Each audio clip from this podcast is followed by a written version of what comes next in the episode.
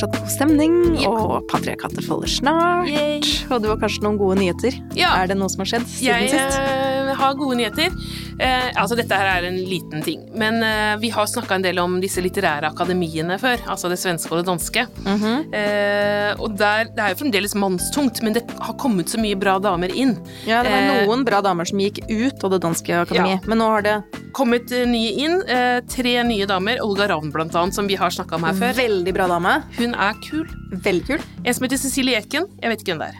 Ikke jeg heller, det må jeg innrømme. Og så Naya Marie Ait, som er veldig, veldig bra. En annen veldig bra dame. Ja. Så det er jo tre av fire nye inn i danske akademi er kvinner. Det er bra. Eh, og så har jeg fulgt litt med på eh, en annen dansk dame som heter Asta Olivia Nordenhof. Som jeg har eh, For jeg leser sånn danske dameblader, og hun eh, er liksom hot, hot shot. Ja, hun får mye oppmerksomhet nå for denne, denne bokserien hun har tenkt å skrive om Scandinavian Star. Ja, hun har gitt ut én bok, og så skal hun gi ut sju til om det samme. Altså sjubindsverk om Scandinavian Star. Det Ja, men så hører jeg også at det er så sabla bra at jeg har det på leselista mi over ting jeg skal få lest i Alle de sjubinda. Nei, det, er- de tar jo sikkert lang det tid, da. første, da. Det første har jo kommet, og det har jeg veldig lyst til å, å lese. Og så er det jo sånn typisk meg, jeg må lese oversatt litteratur, det er jo noe jeg bare får lov å gjøre i feriene. Mm. Så må jeg planlegge det for en ferie. Eh, Men det er jo litt spesielt, da. Mm. Syv bind. Ja, det er, liksom sånn, det er bare menn som pleier å liksom være så stormannsgale, så det syns jeg er kult. Hun, hun kommer jo på Lillehammer. Hun kommer til Lillehammer, Ja, og det gjør jo vi også, forhåpentligvis. Ja, Ja, vi, vi er booka til eh, Patriarkatet faller er booka til Lillehammerfestivalen. Det kan bli så innmari gøy. Vi kunne jo hatt hun eh, Nordenhof som gjest, men jeg skjønner ikke dansk. Så det Det- ville blitt så pinlig.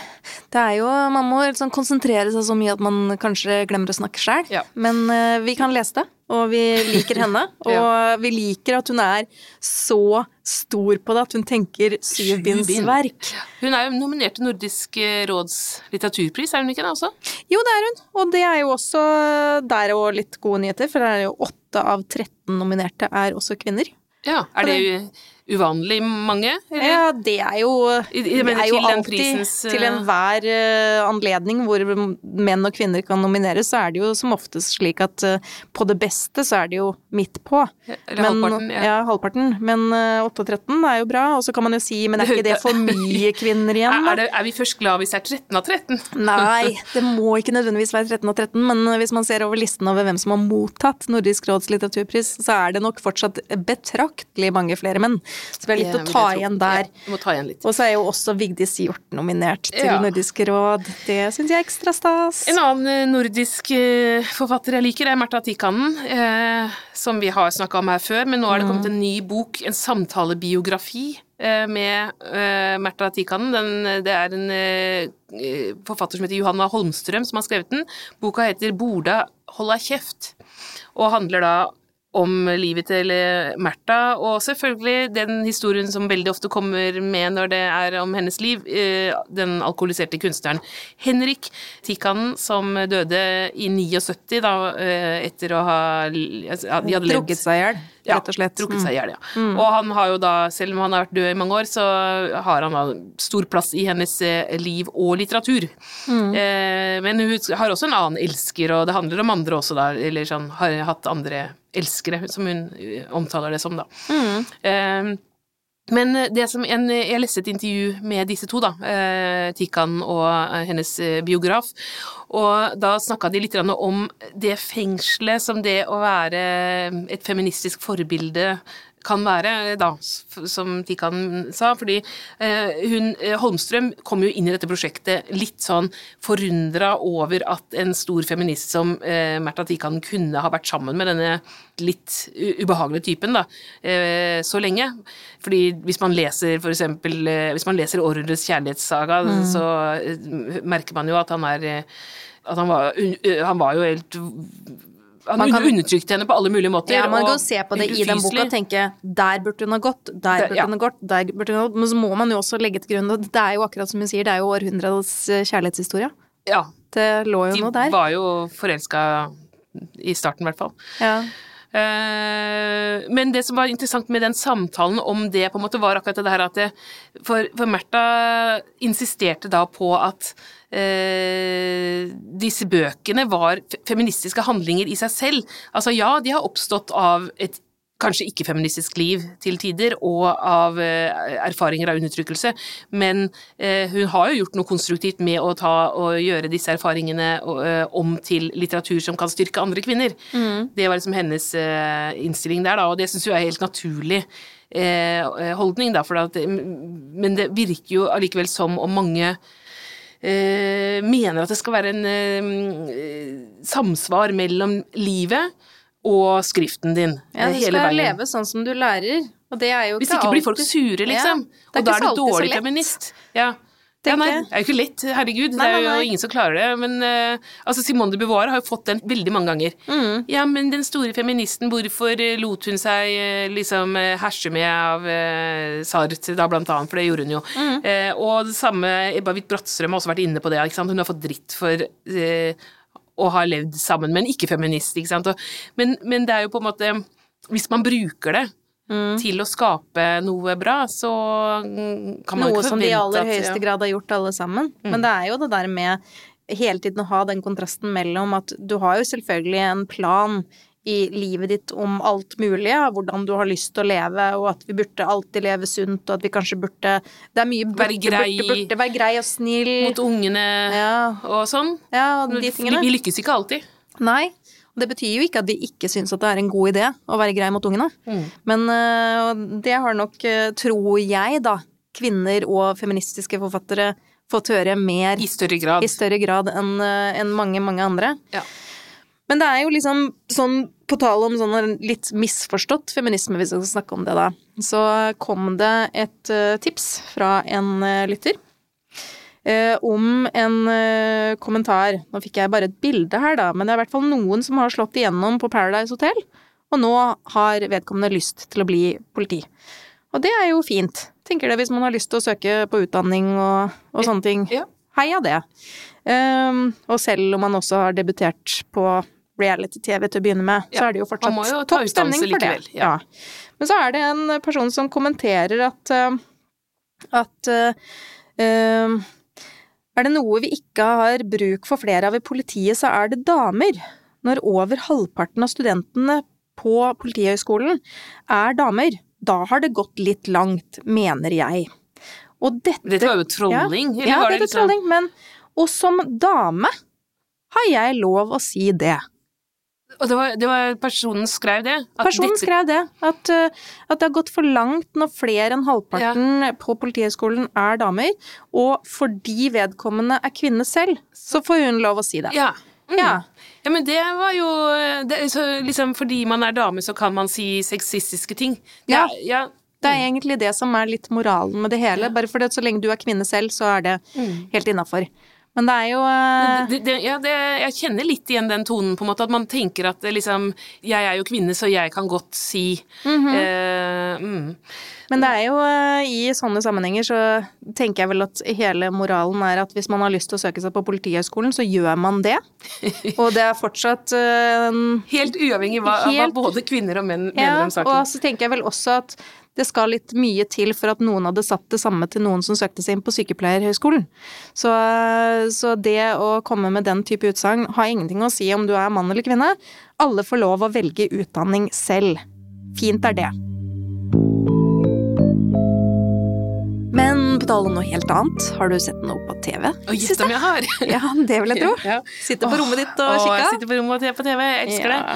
Fortell. Eh, jeg så en utrolig kul musikkdokumentar eh, på Netflix, eh, selvsagt. Den var om jentegruppa The Go-Go's, husker du de?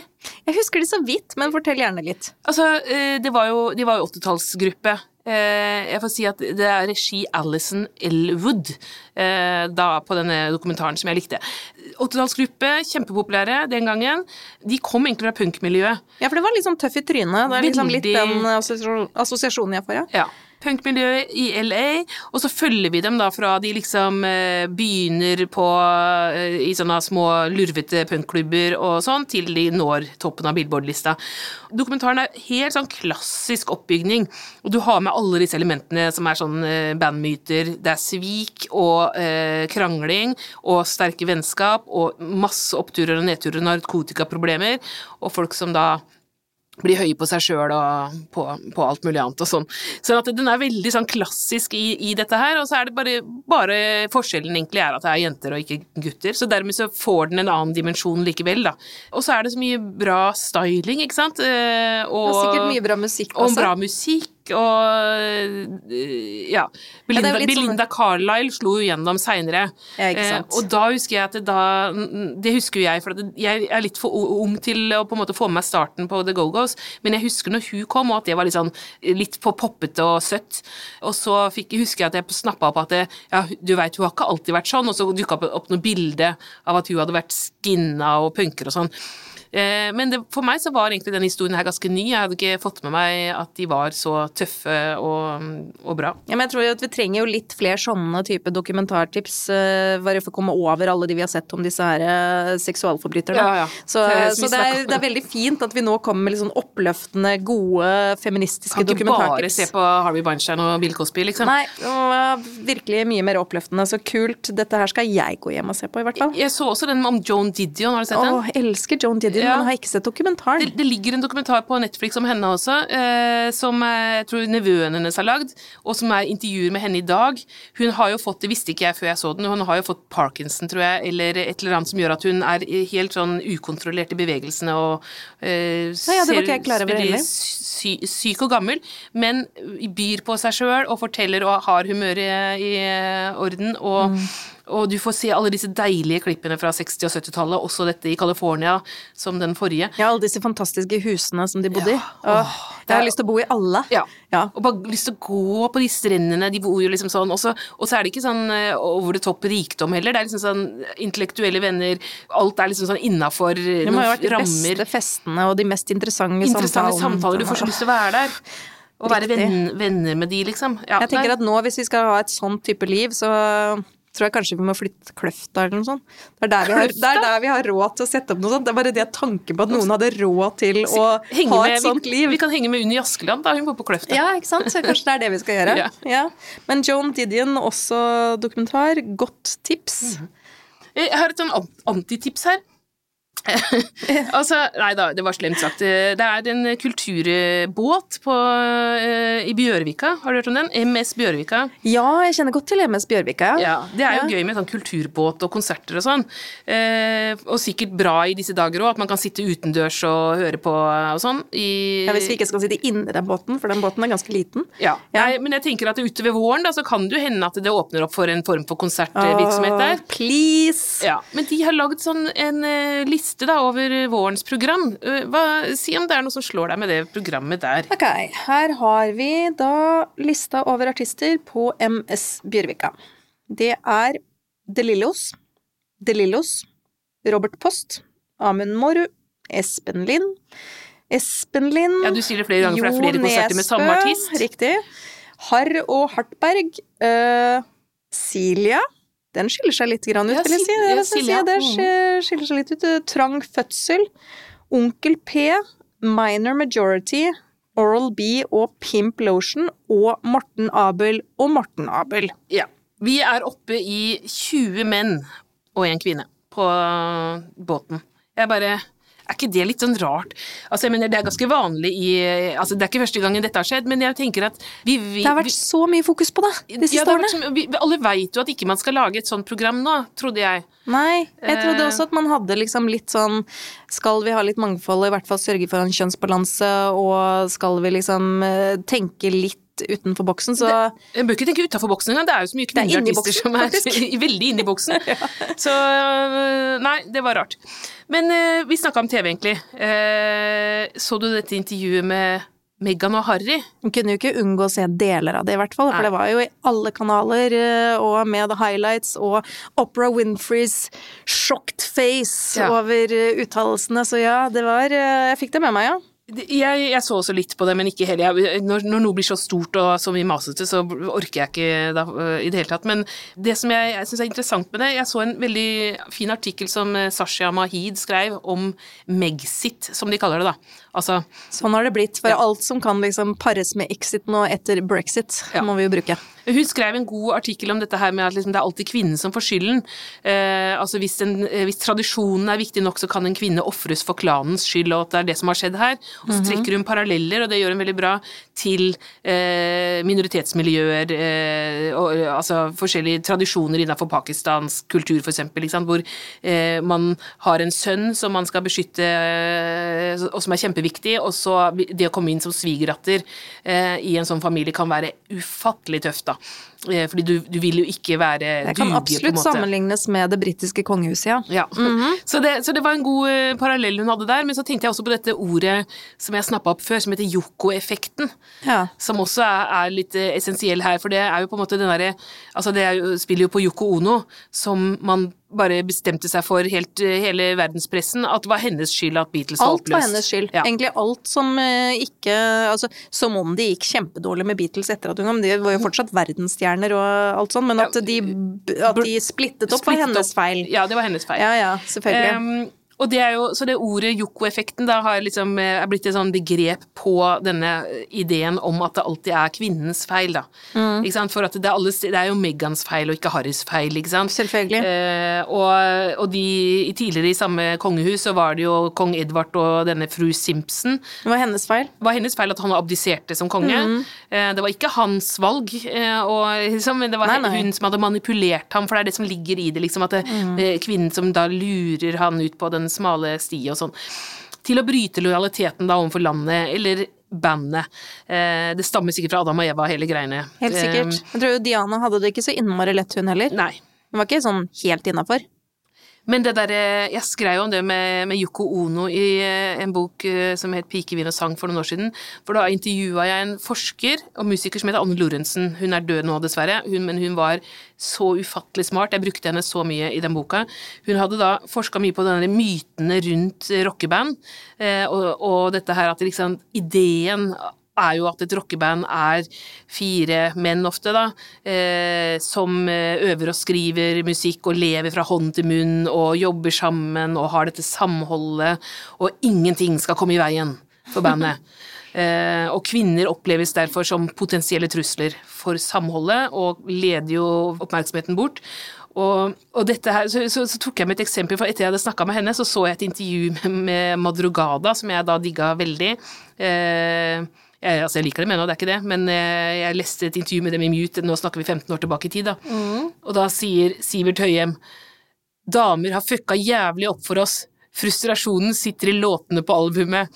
og, og, så, og, så, spør Mute Så kvinnfolka rundt Madrugada skal ikke få ødelegge, sånn som med Beatles? og så sier, sier Madrugada nei, nei, nei, ikke faen.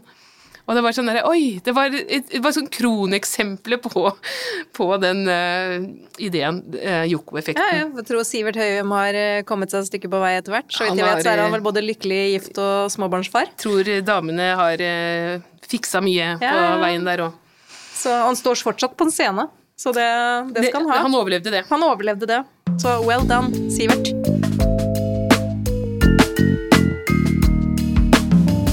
Du sett den boka her? Eh, den står eh, Jeg så den på Nordli, som sånn praktbok. Jeg har bare sett illustrasjonen med disse lakkerte kamphåndknyttnevene. The Art of Feminism. Ja, veldig fint omslag. Altså, fint omslag. Ja. Jeg satt den på ønskelista mi, for jeg har bursdag snart. Så den håper jeg å få. Det var et lite hint til deg. Ja, altså, takk, det er mottatt og notert. Helena Reckett er liksom forfatter her. 'Images that shape the fight for equality'. Mm. Så det er om feministisk kunst, og det var jo liksom på 60-tallet at det dukka opp som et eget begrep, selv om det sikkert eksisterte før den tid. Og det var jo Judy Chicago, kjenner du til henne? Nei. Hun var jo en av de mest markante sånn på den tida. I 71 Jo, du kjente til henne, for vi la ut et bilde av Red Flag. Det Å bildet. ja! Ja. Det er fantastisk. Mal- Det er fotografi av en kvinne som trekker ut en tampong. En blodig tampong Ja. ut av vaginaen sin. Ja. Eh, 71 var det, og det vakte selvfølgelig masse oppstandelse. Folk ble kvalme og sånn. Eh, Fordi mensen. ja. Eh, og så, men så, så lagde hun da etterpå eh, Judy Chicago det berømte verket The Dinner Party, som er dette store eh, bordet, trekanta bord, som hun har dekt på til middag for 39 historiske kvinner. Og, eh, så det er, verket har et helt rom. Og så har hun lagd da måltidene, mm, og det er liksom Virginia Woolf og N. Duanna og alle disse damene som vi prater om i dette programmet, eh, har hver sin eh, tallerken, og så har hun lagd maten i keramikk. Og det, ser bare, det er bare så lekkert. Jeg har bare sett bildet, altså. Men det er eh, så flott. Men det står utstilt på eh, Center of Feminist Art i Brooklyn. Så vi må jo dit. Så vi må jo dit! Det er jo egentlig hele Ja. greia. Vi må jo til New York, og vi må til Brooklyn. Ja. Og nå, ditt, spesielt eh, etter å ha sett Fran Leibowitz, så er vi jo liksom, har vi jo bare lyst til å tråkke rundt i New York og Og være kule. Ja. Så, så det, det er på en måte et av de liksom mest kjente feministverkene som er i denne boka. Da. Men eh, så eh, jeg plukka opp at det skjer jo ganske mye på feltet fremdeles. Det er ikke sånn at liksom feministisk kunst det skjedde på 70-tallet. Eh, det var jo, Hvis noen var på Sørlandet kunstmuseum i fjor, eh, ikke så mange som var der kanskje, fordi det var jo korona, dessverre, eh, men det var en utstilling som sto der i noen måneder, fra mai til november, eh, og da hadde en som heter Marte Elise Stamrud fylt et helt rom med 76 små keramikkskulpturer, eh, som hver og en representerte en kvinnelig kunstner hun mente mangla i samlinga til Nicolai Tangen. Ah. Den mye omtalte kunstsamlingen hans, Ja. som dette museet da har eh, satt seg for å vise fram. Ja, og det var jo en veldig god kommentar, og så syns jeg det er litt morsomt at det også skjer på Sørlandet. Mm. Som i utgangspunktet er Jeg hadde nesten venta at du skulle sagt det var liksom sånn 76 vaginaer eller noe sånt, men eh, det får være neste steg, det Mm. Ja, kanskje. ja. Det kommer sikkert etter hvert. Men eh, de, Sørlandet kunstmuseum har jo en sånn avtale med, om å vise fram denne Tangen-kunsten, og, og de har jo nå lagd en ny utstilling da, som heter Modernismens pionerer, som skal stå helt til august, og der er det mye fokus på kvinner. Så eh, det er, det er en positiv utvikling. Men apropos eh, vaginaer, var det det du sa? Det er jo litt sånn mm, kjerne i mye feministisk kunst, da, at man konsentrerer seg om eh, underliv. Eh, av diverse årsaker. Og i, det er jo som en kommentar på at veldig mange mannlige kunstnere har, har hatt veldig mye fokus på pikken sin også i eh, forskjellige former. det, og, og at veldig mye kunst som forestiller kvinner, da, enten vi går til antikken med skulpturer eller malerier, så er de jo nakne, men vulvaen er jo bare en sånn Flat. altså Det er ikke noe Og sprekk der hårløs. engang. Det er ikke noe hår, det er én ting, men det er ikke noe sprekk heller. Nei. Det er liksom bare sånn derre og, og, og så ved siden av så står kanskje en davidsskulptur som har fått hele stasen eh, Ja, men den veldig bitte lille stasen, Ja, den da. Den var liten på- for det var jo det som var liksom eh, Var det skjønnhetsidealet? Det var den skjønnhetsidealet, fordi at hvis du hadde eh, liten pikk, så hadde du kontroll over følelsene dine, mens hvis du hadde stor, så var du dyrisk. Ja. Ja, så det er liksom grunnen til derfor så er det litt på, Jeg, jeg syns det er politisk ukorrekt liksom å kommentere at den er så liten, så jeg, for mm. det, det er ikke så. Mm. Nei, det var men- virkelig men det som var poenget. Så små testikler og liten tiss var liksom eh, Kontroll. det estetiske idealet. Men eh, greit å vite. Ja, vet Men det. det med, det med eh, denne ja, underlivskunsten, da. Det er jo da en kunstner i Sydney som heter Ali Sebastian Wolff, som har fått veldig mye oppmerksomhet fordi hun har lagd eh, en sånn enorm eh, gullklitoris. Jeg skal vise deg bildet, vi kan sikkert legge ut på, til lytterne. Eh, altså eh, glittoris, eh, kaller hun den. oh, og den er i størrelse 1 til 100, eh, sånn at eh, den er liksom litt større enn henne, da. Så hun kan gå rundt med den og vise den fram. Det er jo fantastisk. Veldig fin. Veldig fint eh, kunstverk, og veldig anatomisk riktig. Ja, det er det som er liksom poenget. For Ja. at, uh, hun sier jo da selv at jeg var i midten av 20-årene før jeg da så hvordan klitoris faktisk ser ut, og uh, blei jo helt enormt uh, imponert og overrasket over det, hvor fantastisk den var. Eh, og så tenkte hun da faen, hvorfor har vi ikke lært mer, eller hvorfor har jeg ikke sett den før? Eh, altså, de sier jo det liksom at eh, eh, Det er en sånn meme jeg så, eh, om Altså, in, in 1969 we put a man on the moon. In 1982, we invented the internet. In 1998, we discovered the full anatomy of the clitoris. Nei, det sier jo litt, da. 1998. Det var da ja. det skjedde. Ja, ja, det er jo ikke rart at vi sleit med å vite hva vi skulle på et tidspunkt. Det hadde vært litt, litt hjelp. Men det, der har jo forfatterne av Gleden med skjeden har jo også gjort en kjempeinnsats her i Norge. De har gjort en stor innsats i Norge med å vise altså at denne klitoris ser ut som egentlig en sjiraff, sier jo disse. Ja, ja, ja. Den har fire lang bein hals. og lang hals. Du, jeg var på scenen med disse Gleden med skjeden-jentene. Jeg må bare fortelle det. Når de skrev boka, så var de legestudenter, og nå er de eh, blitt leger. Ellen Støkkendal og Nina Brochmann. Mm. Eh, og så skulle vi eh, Eller ja, jeg holdt min greie først, og så skulle de etterpå fortelle om eh, klitoris blant annet, da, og mye annet. Eh, og så hadde, var det noe gærent med framviseren. Så liksom når de skulle ha, vise bilder og sånn, så virka det ikke, da. Så, men det var jo, salen var full av folk, så da bestemte de liksom Ok, da får Nina være klitoris. så, for de skulle vise det her, da. Så står hun på alle fire, og med sånn lang sånn sjiraffhals, og så bare vi, liksom Og det var så morsomt å se liksom klitoris i levende live, og hvordan Ja, de, de er så flinke til å forklare òg, så det var bare veldig, veldig bra. Men eh, det jeg egentlig skulle si, var jo da eh, denne feministiske kunsten. Eh, for du hadde da glittoris, som jeg har nevnt. Mm. Eh, men nylig så oppdaga jeg også, fordi det var en debatt på 8. mars eh, som bladet Altså hadde, så, eh, ja, riktig. om et kunstverk i Brasil som var en vulva på 38 meter. Og den er fantastisk, jeg har sett bilder av den. Det var så vakkert. Ja, det er sånn en nydelig, nydelig vulva i et grønt landskap, og så er den 38 meter høye Da, hva er det den er laget av? Noe sånn epoksyplastikk av noe slag, som er støpt inn i landskapet.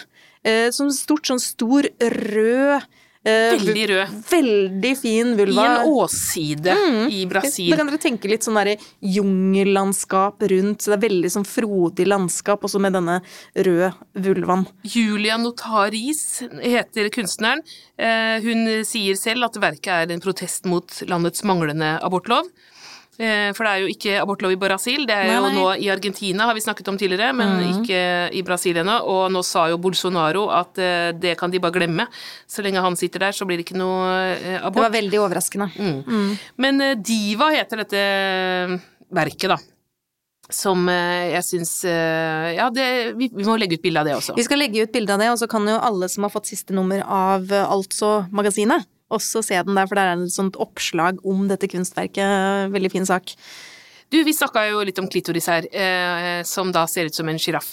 Eh, histo altså historien til klitoris er jo veldig interessant. Eh, både fordi at, som jeg nevnte, den blei jo ikke oppdaga før i 1998. Som ja, helt fullstendig. Ja, for å vite åssen Noen visste liksom... at det var et land der et sted, ja. men de greide liksom ikke helt å kartlegge det. Altså Man trodde det var en liksom sånn, altså, beskrevet som en liten sånn nubb. En liten sånn hudfold, bare en knapp. Knappenålhode. Ja. Mm. Og så er den dritsvær og liksom henger Fletter seg inn i hele altså, Du kan jo se at det er liksom en viss eh, likhet med både en penis og mm. testikler. Mm. Så når noen vet hvordan følsomheten i de områdene der er, så er det jo nærliggende å tenke at det har en sammenheng.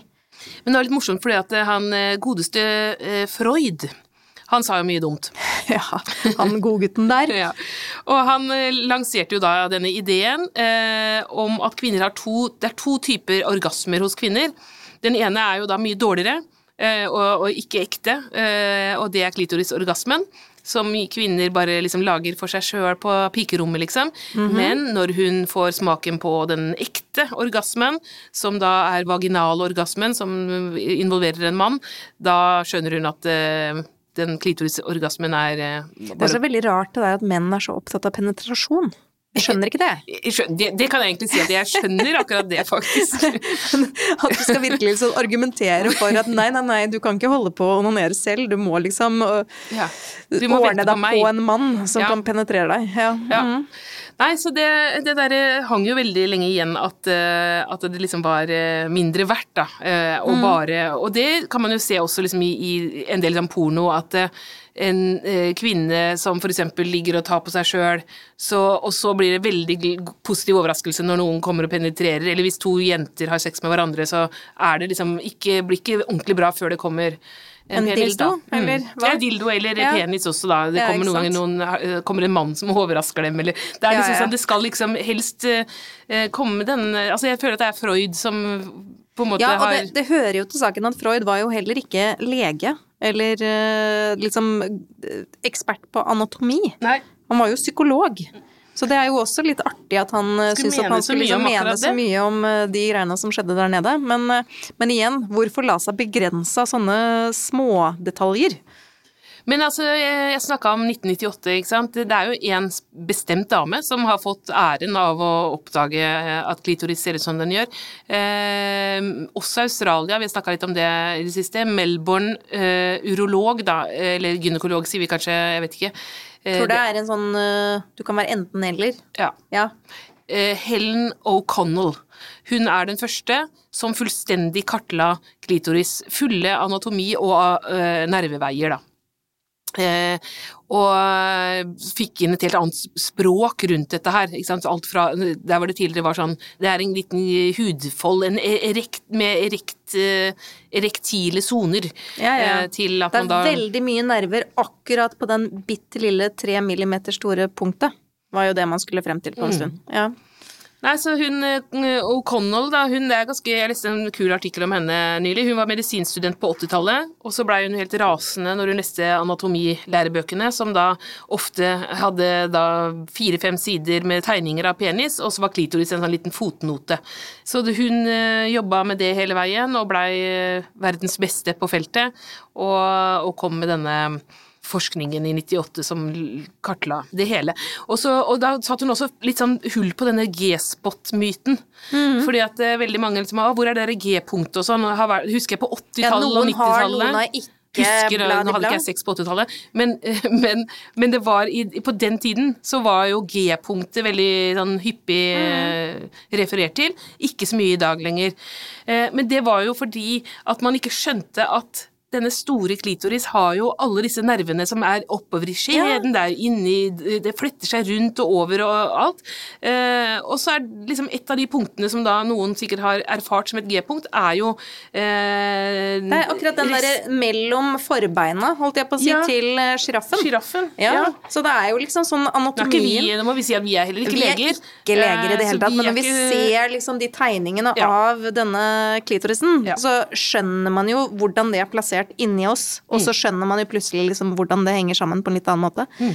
Men det er jo eh, klart at det er jo sånn som med alt, eh, sikkert også med penis for mannen, at det varierer jo med både størrelse, hvordan den har lagt seg, mm. i, er du til venstre eller til høyre, altså det er jo sikkert noen sånne variasjoner også når det kommer til klitoris, men Snart kommer det sikkert noen skjønnhetsidealer på klitoris også. Det skal vi ikke ha, men i hvert fall så er det jo sånn som med mye annet, kvinne kjenn din kropp. Eh, altså, bli kjent med sjiraffen der nede, ja. og, og, gjør deg kjent med hva som funker best for deg, da. Mm. Og kunsten. Jeg har lyst på sånn eh, klitoris i gull rundt halsen. Altså ja, en, mini, mini glittoris. Ja. Det er tips til eh, Jeg har bursdag snart, eh, har jeg sagt. Ja, det var veldig mye bursdagstips her, så skal, vi skal se hva vi greier å fikse av eh, bursdagsgaver. Men uh, klitoris, glitoris er notert. Du har hørt på podkasten 'Patriarkatet faller' av og med Marta Breen og Anette Garpestad, utgitt av Agenda Magasin. Ansvarlig for lydteknikk og musikk er Margarita Krimici. Du finner Patriarkatet faller på Facebook, Instagram og Twitter. Og du kan sende oss en e-post på patriarkatefaller at gmail.com.